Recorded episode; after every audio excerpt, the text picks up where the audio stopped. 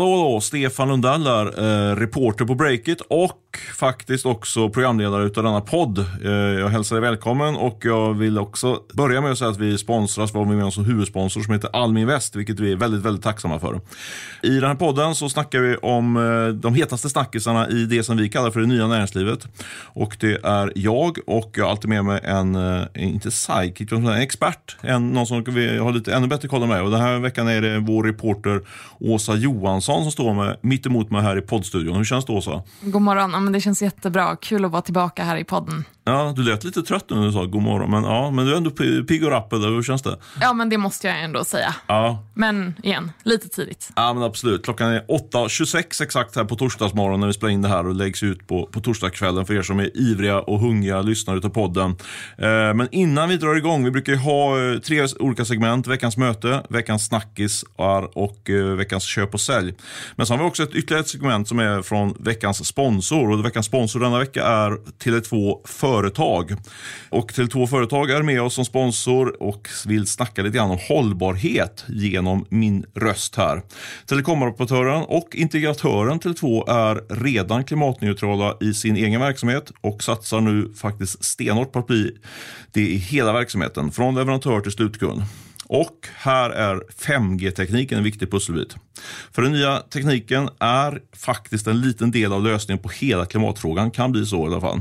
Så här ligger det till. För det första så minskar ju energiförbrukningen rejält tack vare 5G-tekniken. Och dessutom så öppnar tekniken för rad nya innovationer som i sig kan bidra till mer hållbara lösningar. Och här vill till två företag vara en partner och rådgivare som till dig då som vill ta ett första steg eh, i det här arbetet. Och som ett första steg kan det ju faktiskt vara att surfa in då på tele2.se företag. Där får du veta mer om 5G och hur det kan hjälpa både ditt företag och vår planet. Jag tycker att du ska göra det direkt efter du lyssnat klart på den här podden. Nu ska vi gå vidare på vårt första redaktionella segment som vi kallar för veckans möte. Och eh, Åsa, jag tänkte du skulle börja. Vilket är ditt möte? Ja, veckans möte för min del är ju helt klart Bianca Ingrosso. Jo. Ja, eh, superkul. Och... Det börjar bli följetong här i podden, men folk gillar att lyssna, om, lyssna om, och höra om henne. Men du har, nu har du fått träffa henne också. ja, absolut. Det har blivit en lång följetong här. Um, men nu så som sagt har vi träffats och det blev bakom kulisserna kan man säga här i Stockholm på Break It Scale Up Day tidigare i veckan. Mm. Och eh, jätteintressant samtal. Vi, först, jag visste inte riktigt hur lång tid vi skulle ha på oss att snacka, för det var ingenting som vi hade bokat in, utan det var en sån här här är chansen, nu tar vi den. Du högg henne direkt efter hon gick av scen där ja. Ja men absolut, lite inspirerad av dig som du brukar göra med folk, Stefan. Ja. Men eh, i alla fall, vi snackade om en hel del. Bland annat så pratade hon ju om det nya bolaget som nu går under epitetet Anywho. Anywho, är det det namnet du kommer marknadsföra det de ska sälja också? Eller är det bara något arbetsnamn? Eller vad tror du? Det är lite oklart. På Bolagsverket så är det namnet som gäller just nu. Men eh, jag kan ju säga också att, att vi avslöjar ju att hon är med i styrelsen för det här bolaget tidigare höstas. Var du som skrev den artikeln? Eller? Ja, men det stämmer ja, faktiskt. Härligt, härligt. Men hon har ju inte kommenterat den här satsningen tidigare. Före nu? Tills nu, exakt. Så uh, jag kunde få fram att uh, hon är delägare tillsammans med Lovisa Vorge. Kan finnas fler, det är lite oklart. Vad sa du tillsammans med vem då? Sa du? Lovisa Vorge, en ja. annan person som hon har jobbat ganska mycket med och som också marknadsför produkter från eh, bolaget Kaja Cosmetics. Men det är inte bara de två som kör bolaget, eller, eller finns det fler delägare? Eller? Det, finns, det finns flera i styrelsen, vet jag. Det är mm. lite oklart hur det ser ut på delägarsidan. Läge att beställa ut aktieboken här snart kanske, så vi får klarhet i det. Och det är absolut. Men vi har ju trott att det skulle handla om kläder i det här bolaget, men det ska det inte göra. Aha, okay. Så eh, redan etablerade aktörer kan ju andas ut, i alla fall för nu. Och om andas ut. Vad ska de hålla på med då? Sa hon det eller? Oklart, oklart. Hon vill inte säga för mycket, utan det blir mer under eh, början av nästa år.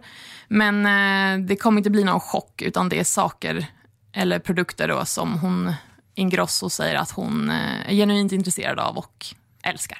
Just det.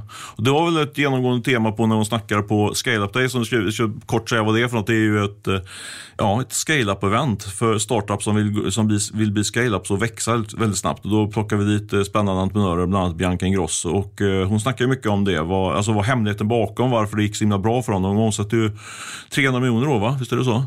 Ja, prognosen är det. Ja, jag tror att och vinsten kommer bli runt 100, så det är ett fantastiskt bolag. Men eh, det som jag tog med mig därifrån eh, från scen och även, jag, jag slank ju med där också efteråt lite grann för att tjuvlyssna när du pratade och sen bröt jag mig in och för, var tvungen att ställa några frågor också själv. Det eh, stämmer. Det var ju det verkligen att hon lever ju sitt varumärke, hon är ju en del av varumärket. Det kan man ju milt sagt säga. Visst är det så? Oh, ja.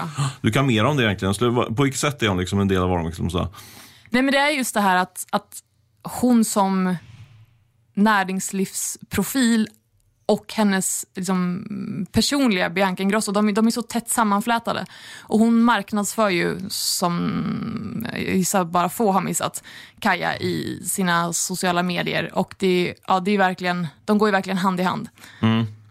Det som jag tyckte var intressant som, uh, var ju liksom det här med... För hon är, hon är, hon är en fantastisk förmåga att konvertera. Uh, hon snackar med sina, sina följare och sen går de verkligen in och köper grejerna. Det vet vi själva. Vi kämpar ju stenhårt med att få konvertering på våra artiklar och får vi liksom 5-10 stycken per dag så är vi jättenöjda. Hon lyckas vi konvertera på ett par timmar, tiotusentals. Mm. Exakt. Uh, jag ställde den här frågan till när, när, jag, när jag tryckte mig in. Jag hoppas inte jag störde för mycket i din intervju, men liksom... Du är förlåten. Ja, underbart.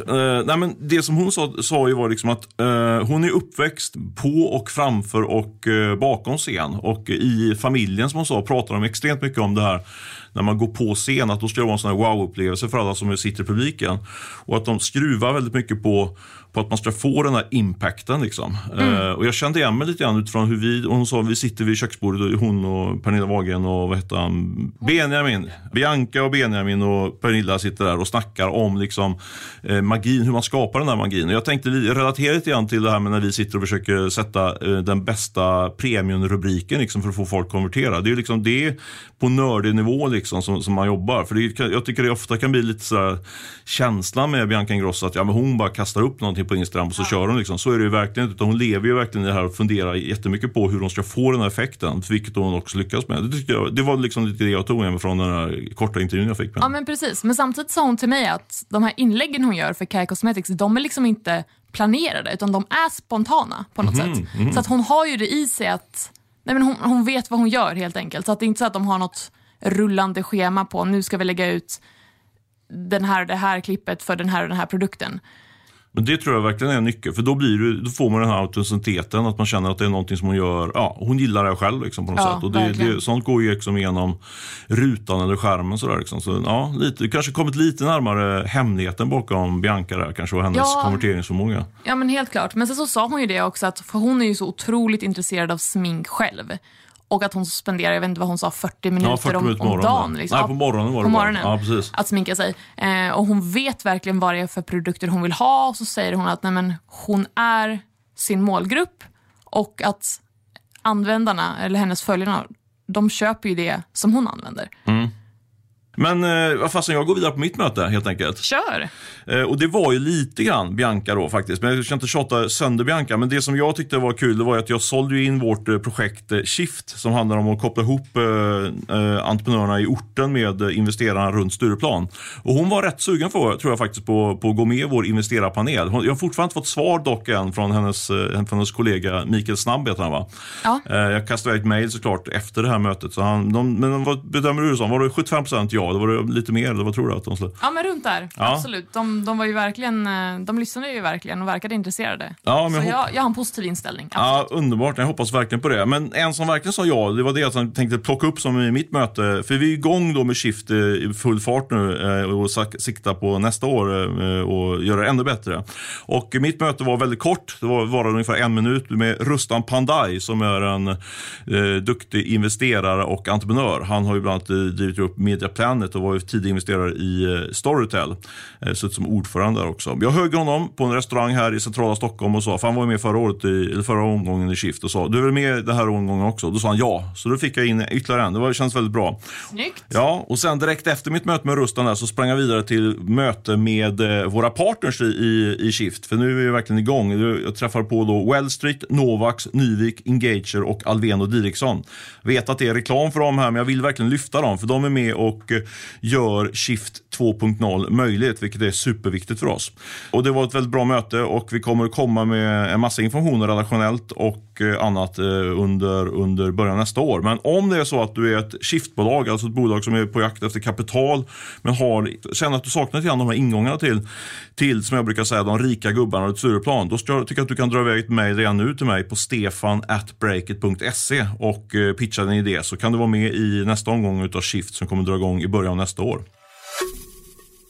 Nu ska vi gå vidare på veckans snackisar och ja, nu ska vi bli lite mer allvarliga här. Vi ska prata om rätt obehagliga saker får man säga. Eh, det ska ju handla om den här jag vet inte om man kallar det en rånvåg, men det har alltså varit i alla fall mycket diskussioner om eh, rån utav, av eh, välbärgade personer och hot mot välbärgade personer. Och du har skrivit lite grann här i veckan, Åsa. Och kan inte du dra lite mer, lite mer fakta i målet kring vad, vad, vad det handlar om? Jo, men det stämmer. Jo, så här, så toppar i det svenska näringslivet har den senaste tiden skakats av att flera försök till både rån och kidnappning.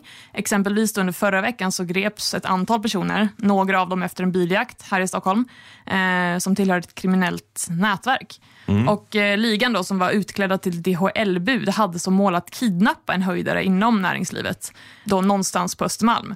Och eh, Det har rapporterats om flera händelser av liknande natur i det senaste nu. Och eh, exempelvis så modellen Farsan Atari, tror jag man uttalar hans namn, eh, en profil med mängder av följare. Han blev rånad på sina klockor i sitt hem. Och det var en sån här grej, ja men sjukt obehagligt. Han var hemma och öppnade dörren när en person klädd som ett fodora-bud ringde på dörren. Eh, och han fick snabbt en pistol riktad mot huvudet. Och eh, ja, de här rånarna, de, de kom undan med två dyra lyxklockor. Liksom. Usch. Ja, usch, fruktansvärt obehagligt. Och eh, sen var det väl han, vet han programledaren Martin Björk också. Han hade drabbats av samma sak, visst var det så? Ja, men exakt. Ja. Var det samma, upp, liksom, samma upplägg? Jag har koll på det. Liksom, att de bara knackade på liksom, och, och, eh, eller var du ute på stan han blev rånad? Jag tror att de knackade på. Jag skulle inte ta gift på det. Ja. Ja, men verkligen eh, lite ja, verkligen obehagligt där. Ryser här när jag står i poddstudion. Och, och, du snackar, vi har, vi har gjort ett litet, eh, ska man säga, litet race där och pratat runt med folk. Och du snackar ju med, faktiskt med Bianca Ingrosso om det här, om säkerhetsbilden. Vad, vad, vad fick du för svar där? Ja, men vi tog upp det. Hon sa att hon har ett säkerhetsteam som jobbar med henne dagligen. Mm. Eh, och så nämnde hon också att hon har larmsystem, säkerhetsdörrar och sen så tre hundar. Tre hundar? Men, ja. men där skojar vi lite grann, de kanske inte var så stora hundarna. Det var, var det, Alltså, nej. tittar man på hennes Instagram så är det såna riktigt små kattstorlekar nästan. Så att, eh, men eh, ska, man ska inte underskatta de här djuren. Så att, eh, ho hoppas, ja, verkligen. Hoppas de hjälper på den fronten också. Men fick någon känsla när du pratade? För jag menar, Bianca är ju verkligen publik. Syns ju hela tiden överallt. Liksom. Jag, jag, jag har ingen aning, men man kan bara spekulera att det kanske ja, i och med att man lägger ut det som publik så kanske det är enklare liksom att ringa in vad personer frågar är. Sådär. Fick någon känsla om att det här var någon issue för henne? Eller liksom var hon ganska avslappnad? Liksom, eller vad skulle du säga? Alltså, hon, hon var rätt avslappnad, liksom, men hon kunde ändå tala rätt öppet om det. Men liksom, generellt i den frågan så är det rätt mycket hysch-hysch. Liksom. Mm. Eh, men du Stefan, du har väl varit i kontakt med flera investerare och techprofiler. Och liksom, vad säger de om det här?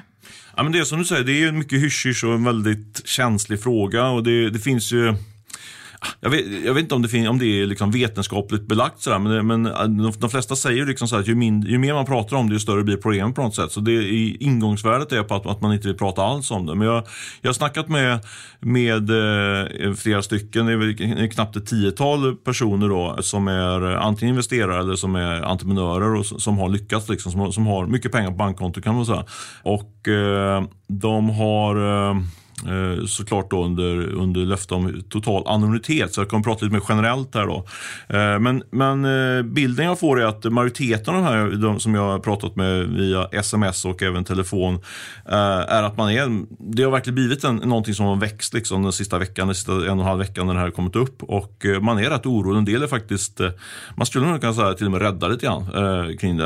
Jag pratade med någon, en som sa att, liksom att han, han tittar sig alltid över axeln när han hoppar in, när han kommer ut på gatan och sådär när han går in i ett garage, innan han går ur bilen nu från ett garage liksom, så tittar han runt liksom om man har, ja så det kän, känns safe liksom sådär. Men vad, vad är det han är rädd för exakt liksom? Ja, men det, det, är väl, det är väl det som är lite diffust tror jag. Liksom, så, nu är jag inne på amatörpsykologi här, liksom, men, men det är väl det som man läser i tidningar liksom, med, med potentiella kidnappning eller um, att någon ska rusa fram och, och råna helt enkelt. Så jag tror det är väl det som man är mest rädd för då. Eh, och de flesta av dem nämnde ju att de har anlitat säkerhetskonsulter. Liksom. Eh, och eh, flera av dem säger liksom att det är standard i, i den här världen, att man, att man har den, den typen av konsulter.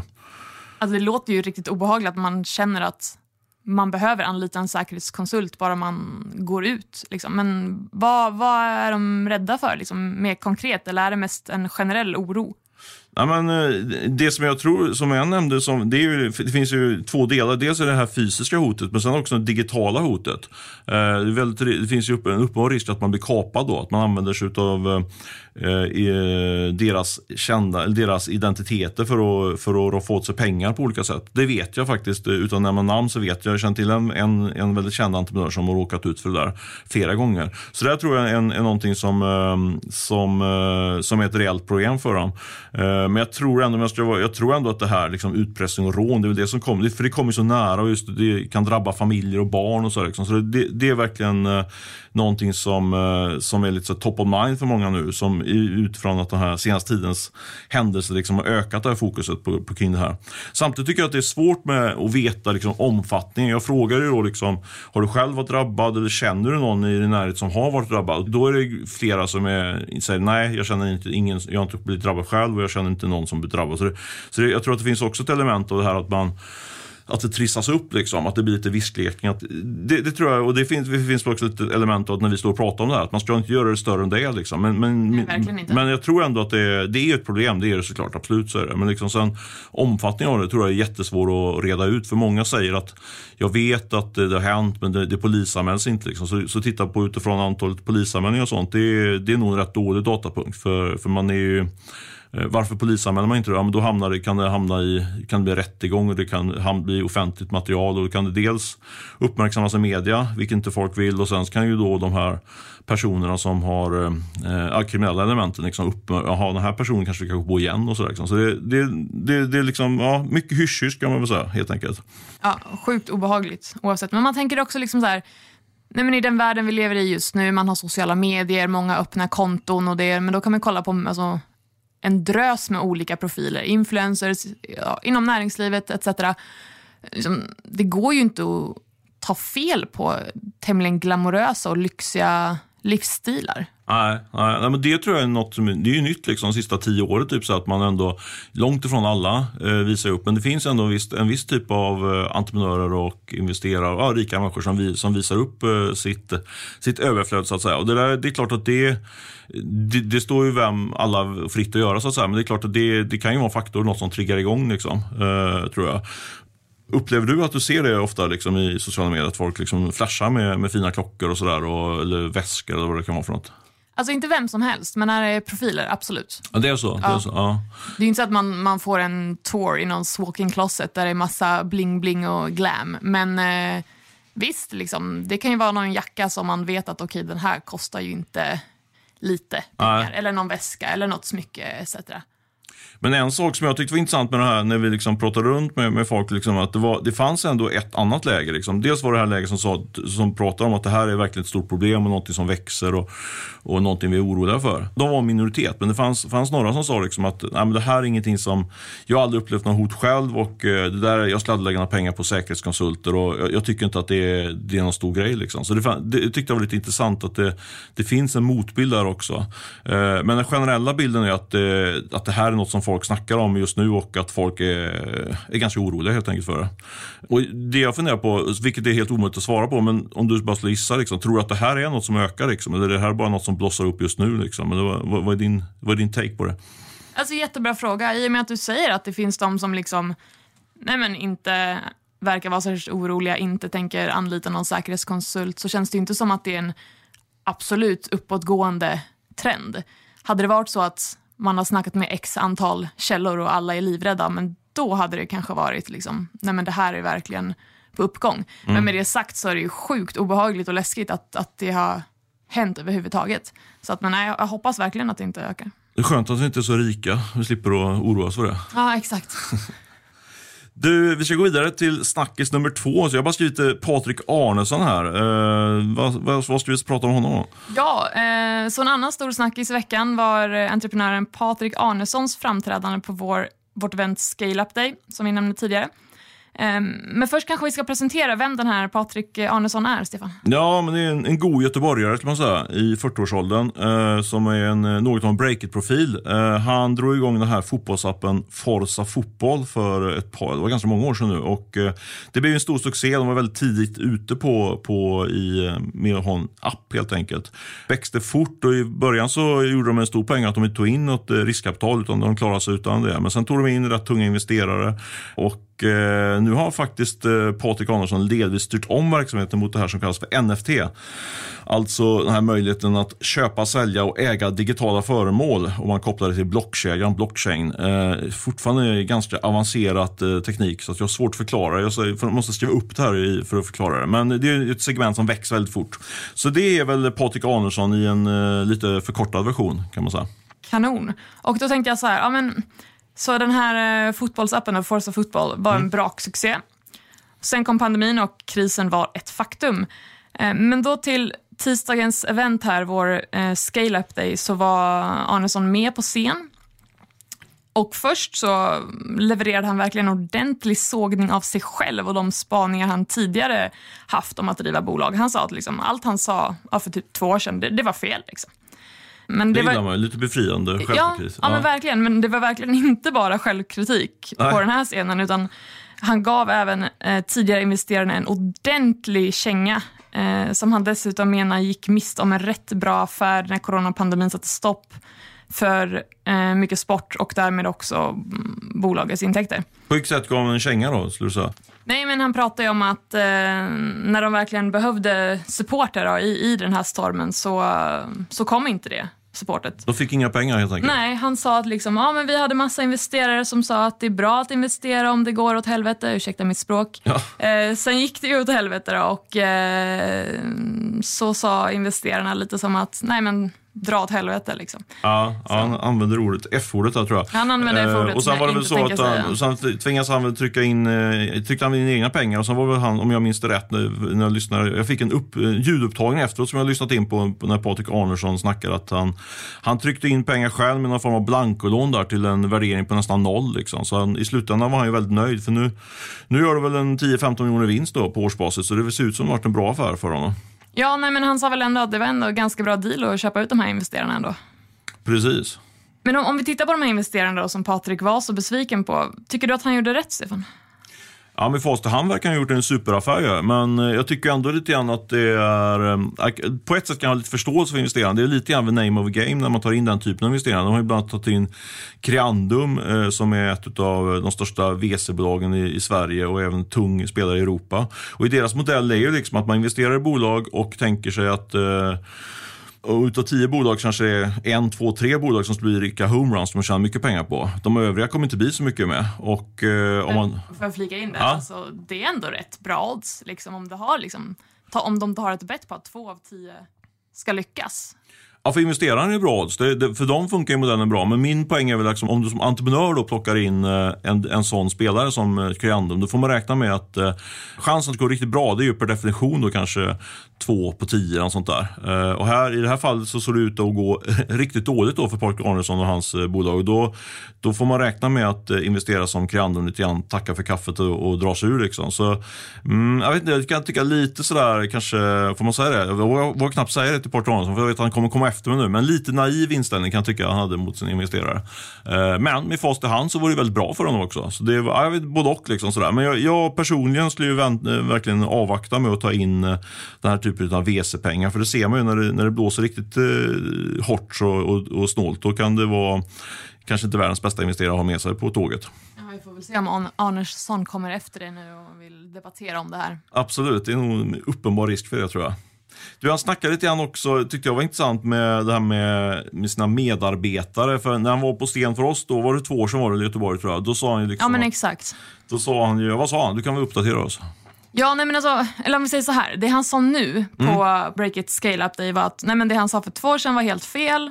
Eh, och då var han inne på att man skulle delegera ansvar till anställda och att de skulle få vara med och bestämma men då säger han ju nu att det visar sig vara riktigt, riktigt, riktigt dåligt. Alltså han är superskeptisk till det och han var väldigt den här linjen att nej men det är väldigt svenskt att göra så att alla ska få vara med och tycka till och så vidare. Men det funkar inte. Anställda bryr sig om sin karriär mer än vad de bryr sig om bolaget. Vad säger du Stefan? Liksom, håller du med? Ska man delegera ansvar till medarbetare eller inte? Nej, men som jag tolkade Patrik där så var det väl liksom, alltså självklart, eh, självklart måste, tror jag även Patrik tycker att man kan delegera lite ansvar till medarbetarna, men han, han delegerar ju ut i princip hela ansvaret till hela bolaget, liksom hela skötseln av bolaget där och, och var ju väldigt all in på det, eh, men tyckte att det inte funkade. Men även där tycker jag, om du skulle fråga vad jag tycker så tycker jag väl lite att det är ju Alltså det är i alla fall lite grann mitt syfte med att blivit breaket. Det är ju liksom att man ska göra sig själv eh, så eh, lite viktig som möjligt. Liksom. Att man skulle kunna bli, bli väldigt utbytbar. Det tycker jag är en del av hur man, när man bygger, bygger ett bolag. Det är liksom att skapa en struktur som innebär att det inte är beroende av med, eh, grundarna helt enkelt. Och i det här fallet så verkar det uppenbarligen vara så att, eh, att bolaget fortfarande är beroende då, utav Patrik Arnesson. Så det är väl ett litet misslyckande då kanske för honom, trots att det, att det går så bra för honom nu då, rent ekonomiskt. Eh, så nej, jag håller nog inte med. Jag är nog för att man liksom ska bygga en struktur och ett bolag som gör att medarbetarna blir dess viktigaste resurs, som det heter lite klyschigt, men, mm, men jag tror verkligen mm, på det. Verkligen. Eh, och, att, eh, och att man ska lämna ifrån sig ansvar.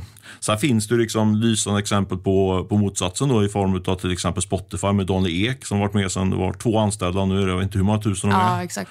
Och sen Sebastian Semikowski på Klarna, är samma sak där. Så det finns ju folk som lyckas växa med bolaget sådär, men eh, det är inte för mig i alla fall som entreprenör. Känner du dig utbytbar i Breakit, Stefan? Jag hoppas det. Jag hoppas det eh, faktiskt. Jag, vi har ju, har ju, jag, jag inte alls, leder ju inte Breakit längre utan det är Camilla Bergman som är VD för, för bolaget. Så jag känner mig nog eh, utbytbar. Men ibland kanske någon tycker det är kul att jag skriver en text eller två. Så det, där får jag väl fortfarande eh, uppmärksamhet och cred hoppas jag. Helt klart. Du, då var veckans två snackisar eh, och vi ska rusa in i eh, veckans köp och sälj, vårt tredje segment. Yes! Ska du börja med köp eller sälj? Vad är du sugen på? Ja, men jag kan väl börja med veckans sälj då. Mm. Och det får man väl ändå säga är eh, om man har en Rolex eller något annat bling-bling, någon fet klocka som man flanerar runt med. För det kan ju tydligen vara ganska farligt nu som vi har pratat om i referens till de här rånen och kidnappningsförsöken av toppar inom näringslivet. Så har en Rolex, sälj. Ska man sälja Rolex-klockan då? Ja, det tycker jag. Det verkar ju livsfarligt. Okej, okay, ja, det är bra. Det är bra. Jag går vidare på veckans köp. måste jag gå vidare på faktiskt. Jag tycker att ni ska haka på eh, vår kampanj som vi drog igång i veckan. Eh, det var ju så att vi fick ett erbjudande från Unicef att eh, de ska köpa annonser hos oss för 100 000. Men det kändes eh, framförallt, det var Camilla Bergman som fick det här erbjudandet och hon tyckte att det, det skavde lite grann att vi skulle ta emot pengar för att, för att hjälpa Unicef att hjälpa de allra eh, svagaste i samhället kan man säga. De som verkligen behöver peng, eh, hjälp eh, med ja, med sin försörjning och eh, mat på bordet. Så vi gjorde så att vi, vi chippar in 100 000 istället i, i den här kampanjen för jul och eh, det tycker jag att ni också ska göra. Det är veckans köp. Haka på vår insamling. Vi kör en livesändning den 3 december där vi lovar frikostig exponering till alla som är med här, i den här kampanjen. Sen kan man också ge helt anonymt men eh, vi ändå lite grann tisa folk att man, man kan också få, lite, få lite marknadsföring på breaket om man, om man hakar på det här. Så mejla in till till insamling breakit.se eller så mejlar ni till mig direkt, stefan.breakit.se så ska jag guida er runt i, i den här eh, insamlingskampanjen. Eh, det var min veckans köp. Eh, jag går på veckans sälj direkt eller vill du köra veckans köp emellan? Du får bestämma. Nej, men jag kan köra veckans köp Bra. emellan här. Ja. Och jag skulle ju vilja säga att veckans köp är att Sverige igår, onsdag, fick sin första kvinnliga statsminister, även om det nu varade i, vad var det, sju timmar. Underbart och kort. Eh, ja, verkligen. Men jag tänker att, att det är ändå bättre än inget, så nu får vi ju se vad som händer i de, de kommande dagarna och framöver. Eh, men det är abs absolut köp. Hon, alltså, någonting hon sa, eh, mm. Magdalena Andersson, på en pressträff nu i onsdags. Eh, hon pratade om att Sverige är ojämställt, men att liksom man, man, måste kunna våga drömma om, om stora drömmar oavsett vilket ursprung man har och vilka föräldrar man har. Eh, och jag gillar verkligen att det här uttalas rakt upp och ner, att det verkligen spelar roll vart du kommer ifrån, att alla inte har samma förutsättningar eh, som vi annars kan snacka så mycket om liksom i, i landet lagom och så vidare. Mm. Eh, men det här ledde ju såklart mina tankar rakt in på Breakits och Blinks initiativ eh, Shift. eh, Just det. s- Ja, som har fått riskkapitalet. Inte bara cirkulera inom vissa kretsar i innerstan utan ta sig ut till eh, orten. Härligt. Och landsorten och vi lyfter även kvinnliga entreprenörer här som är också under, underinvesterade kan man väl säga. Kul att lyfter eh, Shift i samma andetag som vår nya kvinnliga statsminister. Det visar nivån på det. Det är härligt. Ja, men det är klart. Ja, du, veckans sälj för mig är faktiskt att jag tycker, vi har ju pratat om eh, eh, skräcken och oron för den här, de här rånen, men jag skulle säga att, eh, och det här är en väldigt anekdotisk bana, men jag tror att det kanske kan finnas någonting där. Och det är min, min sälj är covid-skräcken i Stockholm som jag tycker är on the rise. Man läser ju liksom hela tiden om att det här är ett stort problem, eh, växande problem ute i Europa, men, eh, men att siffrorna fortfarande är låga i, i, i Stockholm och Sverige. Eh, men nu var jag på möte i, i, för, i veckan här och först så berättade den ena personen att hon trots att hon var dubbelvaccinerad hade åkt på covid igen. Och sen så berättade den andra personen att han hade varit på någon tillställning i helgen där det var fem stycken som hade ringt sig sjuka. Eh, bland annat med motiveringen att de trodde att de har fått covid. Då. Eh, jag vet inte, det, som sagt det är extremt anekdotiskt men för mig var det första gången det kom så pass nära att man kände någon eller träffade på någon som verkligen åkt på på det andra gången när man var vaccinerad.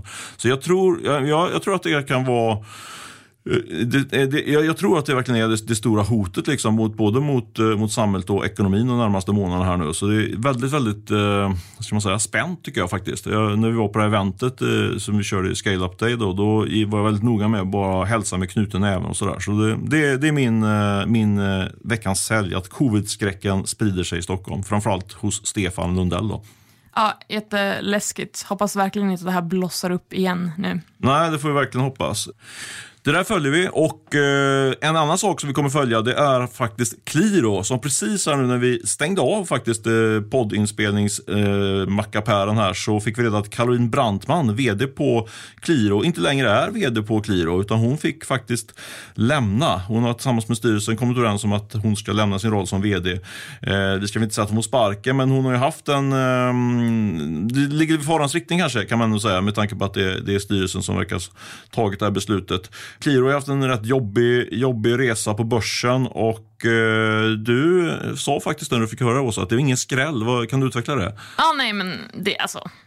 Inte för att vara sån, men det låter ju inte som världens skräll. I den senaste kvartalsrapporten så gav ju Qliro sig själva underkänt så att ja, det kanske var lite halvt väntat ändå att det skulle bli ett sånt här skifte i, i eh, toppskiktet i bolaget. Ja, vi får se var det landar där. Det är kanske något vi får återkomma till nästa podd. Eh, styrelsen säger ju att de, de säger, känner att det är ett nytt, rätt tillfälle för nytt ledarskap och så vidare. och så vidare. Eh, tror det kan, det är väl, jag vet inte, Kliro kan vara, kan vara en tuff uppgift att få fart på det bolaget kanske. Jag vet inte. Eh, känns som jag är väldigt oresearchad här, men vi kände ändå att vi ville trycka in det här i podden innan vi avslutar och eh, det har vi nu gjort. Eh, för nu ska vi avsluta podden. Vi ska säga att eh, Ola Aronsson var ansvarig utgivare och att eh, vi är tillbaka om en vecka. Eh, jag säger tack och hej. Vad säger du, Åsa? Vi är snart tillbaka. Tack och hej!